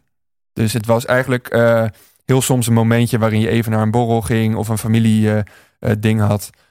maar daaromheen gewoon altijd. En zeker met verschillende tijdzones op een gegeven moment ook. Met, ja, s'avonds belt een Chileense reporter je, je, je op. Of s ochtends kan je, ja, is China al uh, vier uur, vijf uur, zes uur bezig. Dus op een gegeven moment, ja, dan, dan, dan houdt het echt niet op. Um, en zeker toen ik op een gegeven moment ook ging, uh, ging, uh, ging vliegen en een paar keer naar China ging. en toen ook bleef, um, bleef doorwerken op de gekste tijdstippen. Merkte ik wel dat, me, dat mijn lichaam wel begon tegen te sputteren. Ja. ja, je zegt heel eerlijk van ja, daar ben ik niet trots op. Maar ja, juist dingen waar je trots op zijn, zijn inspirerend. En de dingen waar je niet trots op bent, zijn misschien nog inspirerender. Want dat is, dat is nog menselijker. En, en dat her, herkennen we allemaal. Um, en, en eh, praktisch zeg je, elk uur dat ik wakker was, was ja. ik aan het werk. Ja. Het was gewoon insane. Het was gewoon niet te stoppen. Als je een dineetje had, even die laptop dicht. En na het dineetje ging die verder. altijd verder. Ja. Nee, dat, ja, je weet ook wel dat het niet uh, gezond is. Um, ik vond het heerlijk om even, even helemaal los te gaan. En echt uh, dat volledige potentieel uit mezelf uh, te halen. Ja. Uh, en misschien was ik toen ook nog wel een klein beetje naïef. kon ik niet helemaal voorspellen wat voor impact dat ook op mijzelf zou maken. Om echt op een gegeven moment maaltijden over te slaan. Stoppen met sporten. altijd maar te werken. Um, dus dat, ja, ik voelde wel op een gegeven moment dat dat effecten begon ja. te hebben op, me, op mijn lichaam. Ja, maar ik vind het zo goed dat je dit zegt. Want dit is ook, weet je wel zo herkenbaar voor, voor achievers, voor mensen die, die verliefd zijn op persoonlijke groei, die iets groots willen doen met hun leven. Eh, wat je zegt, gewoon alleen maar werken. Als ik wakker ben, werk ik. Uh, na een tijdje begon ik maaltijden over te slaan, te stoppen met sporten. Ja. Dus weet je, je hebt ook iets siks uit de grond gestampt. En, en je bent alleen gewoon even net, je, was misschien te, is mijn woorden hoor, maar je was misschien iets te bezeten van ja. alles hierop. Ja. En je bent jong, dus dat ging een tijdje goed. Maar misschien kun je er ook wat over vertellen dat na een tijdje het, het niet meer goed ja. ging. Ja, vanaf, vanaf de, de, zomer, dus de eerste zes maanden waren echt insane. Uh, merkte ik al wel dat mijn, mijn energie echt, echt afnam. Um, dus ik, uh, ik merkte echt die eerste zes maanden dat ik echt uh, ja, op, in een peak state zat. Dat ik altijd die, precies de juiste woorden kon vinden. En echt met klanten en media echt bij, bij, de, bij een strot bijna kon grijpen. En heel goed kon vertellen wat we gingen doen. En Ja. vertrouwen kon creëren. Daarna merkte ik dat het toch wel uh, minder werd. Dat ik minder goed begon uh, te slapen. Uh, vaak weinig energie had. Nou, ik heb ook wel geleerd dat ook als ik op 50% zit, dat ik nog steeds um, van waarde kan zijn. Maar dat wil je natuurlijk, natuurlijk niet. Dus ik heb een aantal maanden heb ik ja, op, een, op een lager niveau gepresteerd. Omdat ik gewoon vaak moe was en mijn energie ergens vandaan moest trekken. Maar eigenlijk nergens vandaan kon halen. En uh, toen heb ik uh, uh, begin dit jaar eigenlijk, heb ik, ben ik een paar maanden gestopt met werken. Oh. Ja, toen dacht wow. ik van oké, okay, nu moet ik echt even pas op de plaats maken. Even op de reset knop drukken. en mezelf even een aantal hele goede dingen aanleren. want ja, ik moet echt vanuit, een, vanuit een nieuwe balans gaan werken. Ja. Ik vind het mooi ook je woordgebruik. Als ik daarop mag mierenneuken, je zegt even. En dat, dat herken ik. Oh, ja. Of dat signaleer ik omdat ik het herken. En uh, we hebben een gezamenlijke coach, Albert ja. Zonneveld. En als ik dat dan zei, zei Albert, uh, ja Thijs, even, laat het even maar weg. Je moet niet even pas op de plaats, niet even een paar maanden rust. Je moet rust en je moet dingen gaan aanpassen. En maar dat is echt het achiever brein wat denkt, oh ja, even quick fix. Ik moet ja, eventjes dit doen en daarna kan, kan ik weer door. Dat ook outperformen. Um, en je, het is, je zegt het te snel slippen door, maar we horen net dat je unstoppable was en alleen maar werkte. Ja. En je zegt, toen ben ik drie maanden ben ik er tussenuit gegaan. Dat, dat kon gewoon? Of, of je, je, er was ook geen andere keuze? Weet je, hoe is dat gegaan? Uh, gelukkig uh, gelukkig kon het ook. Dat ik eh, gewoon twee hele goede eh, compagnons heb. En een eh, heel team ook. Dus dat, eh, dat, dat scheelt. Ehm, maar het was ook echt eh, wel eh, net op tijd, denk ik. Want ik denk dat als ik nog een paar maanden, een paar weken, paar maanden eh, was doorgegaan met alle intensiteit die erbij komt, eh, komt kijken, dat ik eh, dacht, ja, dan kan het wel eens verkeerd gaan. Dat je op een gegeven moment je bed niet meer uitkomt of, ehm, of iets dergelijks. En ja, ik merkte wel van, oké, er is gewoon een soort disbalans nu om, in mijn lichaam ontstaan. Ja. Ehm, dus ja, heel slecht kunnen slapen, maar overdag wel heel weinig energie hebben. Heel vaak gewoon dat jetlag-achtige gevoel hebben, terwijl Ja. je dat helemaal niet zou moeten Ja. hebben dan. Ehm, en daar wilde ik gewoon echt vanaf. Ik wilde, ja, dat lukte even niet meer met een weekendje bijslapen. Dus Nee. ik moest daar iets eh, Ja. grotere maatregelen voor nemen. Ja, dus weet je, ik ben niet zo van labelen, jij mogelijk ook niet. Maar als je het label moet geven, dan kun je zeggen dat je een, een burn-out eh, hebt gehad. Sterker nog, dat je daar nu van aan het herstellen bent. Ehm, en, en je zegt die signalen. Je zegt van nou, als ik door was gegaan, had ik misschien een echte burn-out gehad. Hè? Dat je Ja, gewoon echt, het eh, lampje echt uitgebrand, het vlammetje echt uitgebrand is. Daar is, ja, ik denk dat dat vlammetje heel, heel, heel klein was. Eh, en dat, eh, dat het me niet meer lukt om eh, vanuit, vanuit gewoon, vanuit werken, om dat weer helemaal aan te krijgen. Dus moest, ja. En misschien niet voor jou het allerleukste om te beantwoorden, maar ook wel voor mijn luisteraar. Want weet je wel, de gemiddelde burn-out leeftijd is 32. Eh, ik weet niet één op de hoeveel mensen een burn-out krijgt. Maar laat het eens één op de tien zijn. Het is- Volgens mij is het veel fucking meer. Maar er luisteren duizenden mensen naar deze podcast. Dus honderden mensen die luisteren. Ja. Die hebben er één gehad. Die zijn er eentje aan toewerken of die gaan Ja. nog eentje krijgen. Het is niet zo inspirerend, maar laten we gewoon fucking real zijn. Is gewoon de realiteit. Ik Ja. moest er zelf ook aan geloven vorig jaar. Het is Ja. fucking kut. Eh, stiekem achteraf ook weer een blessing. Ja. Dus laten we gewoon, gewoon real zijn met, met, met, Ja. met elkaar. Ja. Eh, wat waren voor jou de signalen? Want jij zegt, hey, ik merk als ik doorga, dan was het nog heftiger geweest. Dus er waren bepaalde signalen waardoor jij besloot, ik moet nu een keuze gaan maken. En, wat waren dan die signalen van jouw lichaam? ja, gewoon heel erg eh, uitgeblust gewoon op werk zijn. Dus dat je eigenlijk gewoon eh, op een gegeven moment eh, heel weinig meer gedaan krijgt.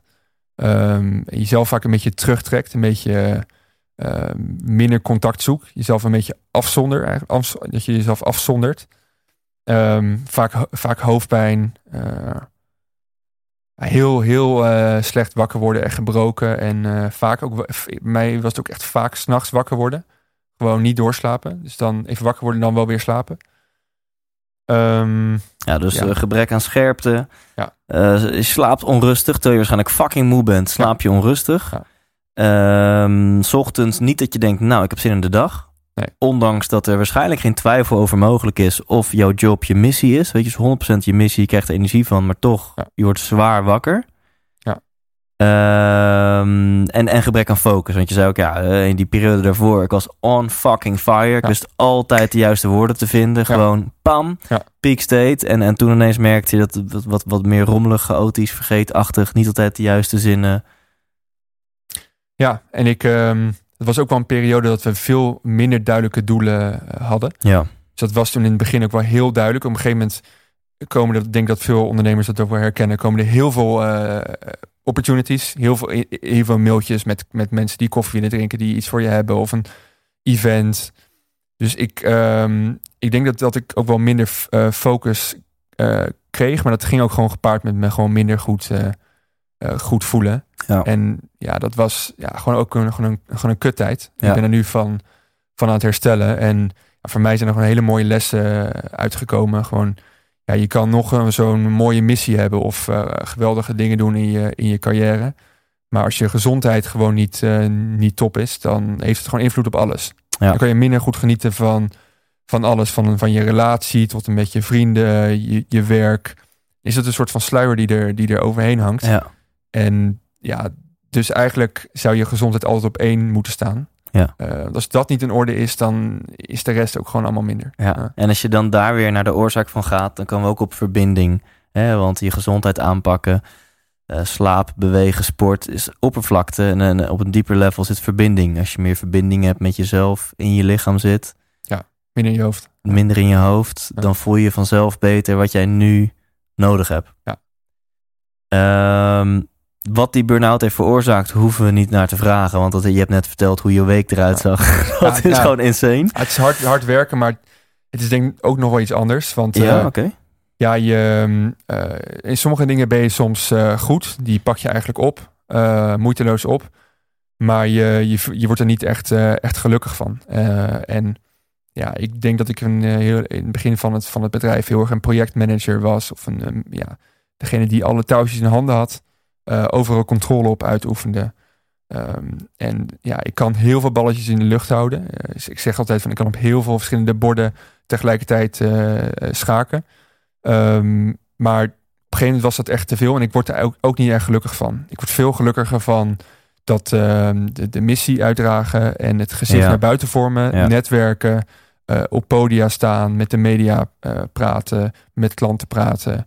Dus die rol heb ik dan nu ook wel weer wat meer eh, aangenomen. Dus je, je merkte ook wel van, hey, door te veel controle te willen uitoefenen, door op Ja. te veel borden te willen schaken, Ja, ja, ja. dat is, dat is gewoon niet tof. Nee, ja, je, ja, je, ehm, het is gewoon over, over ehm, capaciteit in je Ja. hoofd. Ja. En je zegt nu, nu kan ik me meer, meer mm, eh, richten op de, de missie. Oh, sorry, Ja. op de missie. En eh, laten we er zo mee afsluiten ook. Met, met, met jou, jou, je bent de boek als, als spreker, zeg maar. Want jij wil vooral Ja. gewoon dat, de, die missie uitdragen. Ehm, eh, maar, maar hoe heb je het dan? Want het is heel makkelijk om te zeggen: ja, ik ga mijn rol aanpassen in het bedrijf. Maar het moet wel kunnen, weet je Ja, wel?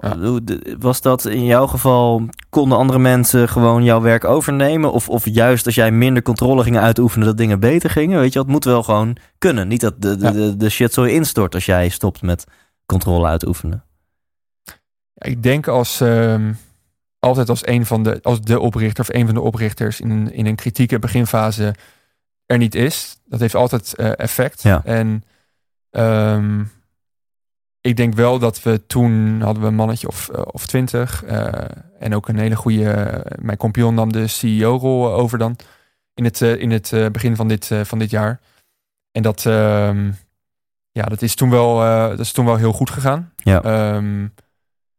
Ik denk wel dat ik gewoon iets, iets, eh, iets, iets unieks toevoeg. Ehm, en dat is nog los van dat gewoon dat eh, hele harde rennen richting doelen.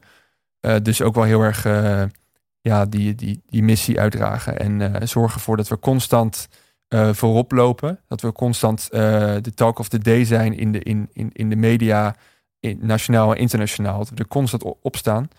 Ehm, en vervolgens, ja, waar ik minder goed ben, is echt de, de, de winkel runnen. Ja. En dat wordt gedaan door andere, Ja, de andere mensen. Dus jij kan gewoon lekker de verbinder en de inspirator zijn. Ja, inderdaad. En, eh, Ja. ja. mooi. Eh, je, hebt, je hebt nu al een aantal dingen genoemd, maar kun je nog eens eh, een voorbeeld noemen van iets wat jij door je, je burn-out nu aan het leren bent? Dus Ja. iets wat jij anders doet, een bepaald patroon wat je hebt aangepast, of het kan misschien iets heel concreet zijn, je, of het nou je ochtendritueel is, of, of, Ja. of dat je zegt eh, na vijf uur gaat die laptop dicht, of iets niet concreets. Maar kan je iets noemen wat, wat, wat, waar, je- waar je zegt, ja, maar dit is nu echt fundamenteel anders? Of ben ik nu bezig om dit fundamenteel anders aan te gaan pakken? En, en, en, en dat is een groot verschil met, met, met hiervoor. Ja, zeker. Ja, het begint met, eh, met eh, bepaalde doelen die ik, die ik stel. Dus ik stel altijd mezelf hele duidelijke jaardoelen. Maar die waren voornamelijk carrièregericht. Ja. En ik heb nu eh, voor mezelf heel duidelijke doelen voor over eh, de komende, komende vijf jaar. Maar ook dus voor de komende drie maanden en, eh, en eh, 2019. En die zijn altijd aan de hand van thema's in de volgorde van, van, van, van, van, belangrijkheid. En het begint altijd met, met gezondheid. Dat is mijn nummer één. Dus waar wil ik qua gezondheid staan in januari, eind december 2019? Eh, en vervolgens is dat relaties. Die zijn gewoon heel belangrijk om gewoon die energie die in je zit, om ook die eh, ja, te, te delen eigenlijk. Ja. Dus met mijn, met mijn vriendin, met vrienden, met, eh, met, met de mastermind die ik nu aan het vormen ben. Eh, ja, daar heb ik dus ook duidelijke doelen voor. Vervolgens carrièregericht. Zeg maar, hoe ga je met die energie om? Wat doe je? Wat geef je aan de wereld, zeg maar? Ehm, en dat is dus eigenlijk bij mij zowel Travis, dus die, die 5 miljoen devices, maar ook eh, mezelf als eh, spreker ontwikkelen, internationaal eh, spreker. En vervolgens financieel. is ook belangrijk als je financieel niet goed zit, dan ja, is dat ook slecht. Dus Ja. daar heb ik ook bepaalde doelstellingen voor. Dus dat zijn mijn doelen. Heel praktisch dan, hoe doe ik dat dan op dagelijkse basis? Ehm, ja, ik ben heel bewust wel bezig met, met het eerste uur en het laatste uur van, mijn van mijn dag. Het gaat niet altijd goed, maar in grote lijnen wel. En ik, ik mediteer bijna elke dag. Ehm, en ik doe elke ochtend ook even een korte, korte oefening van een kwartier. Gewoon even opdrukken, optrekken, buikspieroefeningen om even wakker te worden. Soms even kort yoga. Um, voeding is, is, wel, is best wel goed. Ik kan er nog strakker op zijn, maar ja, wel zo min mogelijk uh, suikers en, en koolhydraten. Dus daar let ik echt goed op. Um, S'avonds geen laptop meer, meer open. Gaat bijna altijd goed. Ehm, ja, mijn telefoon is helemaal afgesteld. Dus ik heb nul notificaties. Ik heb, hij mijn scherm is zwart-wit. Um, ja, ik, ik ben daar helemaal, probeer daar echt helemaal van af te kicken eigenlijk. Ja ik heb heel veel, ja, heel veel onderdelen van mijn, van, van mijn leven ben ik gewoon heel bewust bezig van helpt dit me of helpt dit me niet. Ja, en ik vind het heel mooi hoe je nu echt de waarom, de wat en de hoe zo langs loopt. En waarbij je ook weer ziet dat als luisteraars nu geïnspireerd raken door de hoe, dat is oké. Maar als je echt verandering wil aanbrengen, dan moet je ook de waarom gaan veranderen. En bij jou is de hoe, noem je een aantal voorbeelden. Je scherm op zwart-wit en uh, ja. s ochtends yoga of uh, dat soort dingen. Ehm, de, wat is dat je iets wat jij heel goed kan, namelijk doelgericht werken, dat je dacht, nou, als ik dat supergoed kan, laat ik dan nu deze, dit talent niet gebruiken voor carrière doelen, maar laat ik dit talent gaan gebruiken voor gezondheidsdoelen. Ja, als jij toch als een geleid projectiel op je target af kan gaan, gebruik het dan voor de good.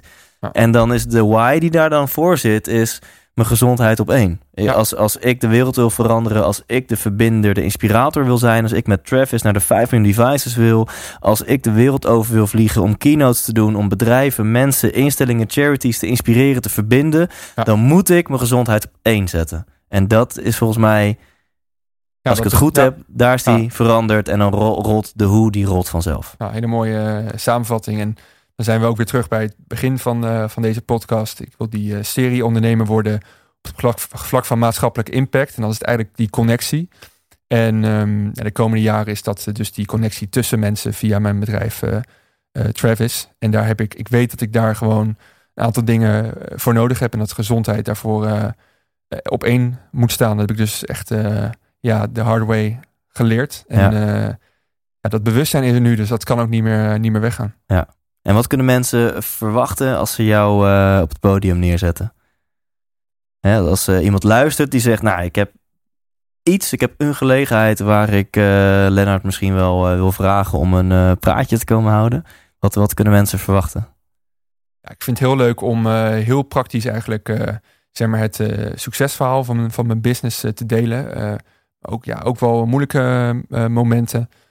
dus ik denk dat daar heel, dat het heel inspirerend is en leerzaam. Uh, en in zijn algemeenheid uh, ja, heb ik sowieso heel veel nagedacht en ook in de praktijk gebracht hoe je uh, een bedrijf, zoals ik dat noem, people, planet, profit kan maken. dus die balans tussen gewoon winstgevend, schaalbaar, goed voor je team zorgen, maar ook die, die, die, die, die positieve impact. Ja. hoe je zo'n bedrijf maakt en hoe je het in stand houdt, hoe moeilijk dat ook is. Ja, dat vind ik eigenlijk het, ja, toch wel het allertofste. Heel tof gezegd, man. Dus wat jij Weet je net ook al, vlak voordat de microfoon aanzette, zei je iets van: ik wil sociaal ondernemerschap, wil ik mainstream en groot maken. En dat je hebt nu even zwart-wit. Je hebt de sociale ondernemingen die subsidie-based en heel erg in de zachte hoek zitten. En je hebt de vervuilende start-ups en bedrijven waar het geld tegen de plinten klotst, maar niks de people, planet, profit. En jij, met je, jullie verhaal, met jouw verhaal, geef je gewoon aan de jongens dit is de toekomst. Sociaal ondernemerschap kan gewoon fucking sexy, mainstream, groot, winstgevend, winsten voor people, planet en profit. Ja, inderdaad. Dit is, het is mogelijk. En uh, ja, zullen misschien zeggen van ja, maar uh, hoe uh, duurzaam is bijvoorbeeld jullie apparaat? Nou, we zijn bijvoorbeeld aan het werken, maar dat kan nog heel veel beter. nou. Op heel veel vlakken ja, kan het nog beter. En Ehm, maar ik geloof ook niet dat je foutloos hoeft te zijn. Eh, als je maar gewoon uh, ja, grote lijnen, uh, grote impact maakt. En ja, ja ik, krijg, ik heb bijvoorbeeld laatst foto's doorgekregen van het vluchtelingenkamp in Griekenland op Lesbos. Hoe vluchtelingen ons apparaat gebruiken. En dat vind ik gewoon ja, fantastisch om te zien, om die feedback dan te krijgen. En ja, ik, ik geloof niet dat je, dat je op papier moet gaan kijken van hoe kunnen we het perfect doen. Maar ga het maar gewoon doen. En ja, dat, dat las ik laatst ook. Dat vond ik wel een hele toffe quote van eh ondernemer die zei van I'm, I'm building the plane uh, while flying. Dus vliegen, maar hij is hem aan het bouwen. Dus ga het maar gewoon doen. En ja, wij hebben ook heel veel kritiek gehad van mensen die zeiden van ja, maar jullie vertaling is helemaal niet perfect. Maar ja, perfecte vertaling is ook niet eh, nodig. Het gaat om, om begrip. Eh, en als je daarmee al één leven kan, kan, kan redden, dan, dan is het al genoeg. Ja. Ja. Ja, dit is de perfecte afsluiter ook wat mij betreft. Eh, Waar kunnen mensen meer informatie vinden over jou? Ja, dat kan ehm, op uh, travistranslator.com Ja? eh, voor het bedrijf. En ehm, eh, ja, het makkelijkst denk ik om mij eh, persoonlijk te, te benaderen is even een connectieverzoek te doen eh, op LinkedIn. Dus mijn, eh, ja, mijn Ja. LinkedIn pagina Lennart van der Ziel. En ik, ja, daar kijk ik heel vaak op als, als, zeg maar, als netwerker, connector. Dus ja, voeg me even toe, stuur een berichtje. Als je in contact wil komen, dan eh, reageer ik heel snel. Ja, dus als je geïnteresseerd bent in dit apparaat, dan eh, check gewoon travistranslator.com. Het staat ook in de show notes. En anders ga even, kijk, heb jij, ja, je hebt netjes je URL van LinkedIn aangepast. Dus linkedin.com en het is dan slash in slash Lennart van der Ziel. Maar goed, veel makkelijker om gewoon bij LinkedIn Lennart van der Ziel in te vullen. En eh dan kan je jou een persoonlijk berichtje sturen. Ehm, ja, Ziel, dat zat in dit interview wat mij betreft. Ik vind het heel cool om het, om het up te rappen van hoe je de, en gewoon die high deelt van het bedrijf, wat, wat insane is. En ook gewoon eerlijk deelt van ja, weet je wel, het kwam wel met een prijs. Ja. En ehm, dat geeft denk ik de luisteraar heel veel. Heel veel inspiratie en, en ook heel veel... Ja, gewoon, ja, ik haal het altijd om Engelse woorden te gebruiken, maar eh, heel veel realness. Jullie apparaatje weet vast wat realness in het Nederlands is. Echtheid. Ja, Ehm, dus thanks man. Ja, nou, heel tof om eh, hier te mogen zijn. En eh, ik had er al veel geluisterd, maar eh, echt een eer om hier eh, ja, echt in de uitzending dan eh, te, Ja. zitten. Nou, 100% eh, terecht. en verdiend. 100% wijs! Namens Lennart en mijzelf bedankt voor het luisteren. En ik kan me zomaar voorstellen dat je afgelopen uur waanzinnig geïnspireerd bent geraakt. Eh, niet alleen door het verhaal van Lennart, maar ook om dat apparaat, dat waanzinnige machientje aan te gaan schaffen. En daarom nog één keer de URL. Dat is travistranslator.com. En eh, ja, daar kun je gewoon eh, het apparaatje gaan bestellen. En met de code 100% inspiratie krijg je een hele dikke vette 50 euro korting. En dan betaal je dus geen 249 euro, maar slechts 199 euro voor dit apparaat. Mocht je het interessant vinden, ik pak geen eh, fee of commissie op deze aankopen. Dit is gewoon puur een kortingscode door Lennart gegenereerd eh, voor jou als luisteraar van deze podcast. Ehm, mocht je Lennart trouwens willen boeken als spreker, word dan gewoon even vriendjes met hem via LinkedIn, Lennart van der Ziel. En eh, dan kun je meer informatie daarover aanvragen. En doet hij zijn verhaal bij jouw ondernemersvereniging of bij jouw bedrijf of whatever. Bedankt voor het luisteren. Eh, later deze week, een uniek moment, komt er nog een tweede podcast online.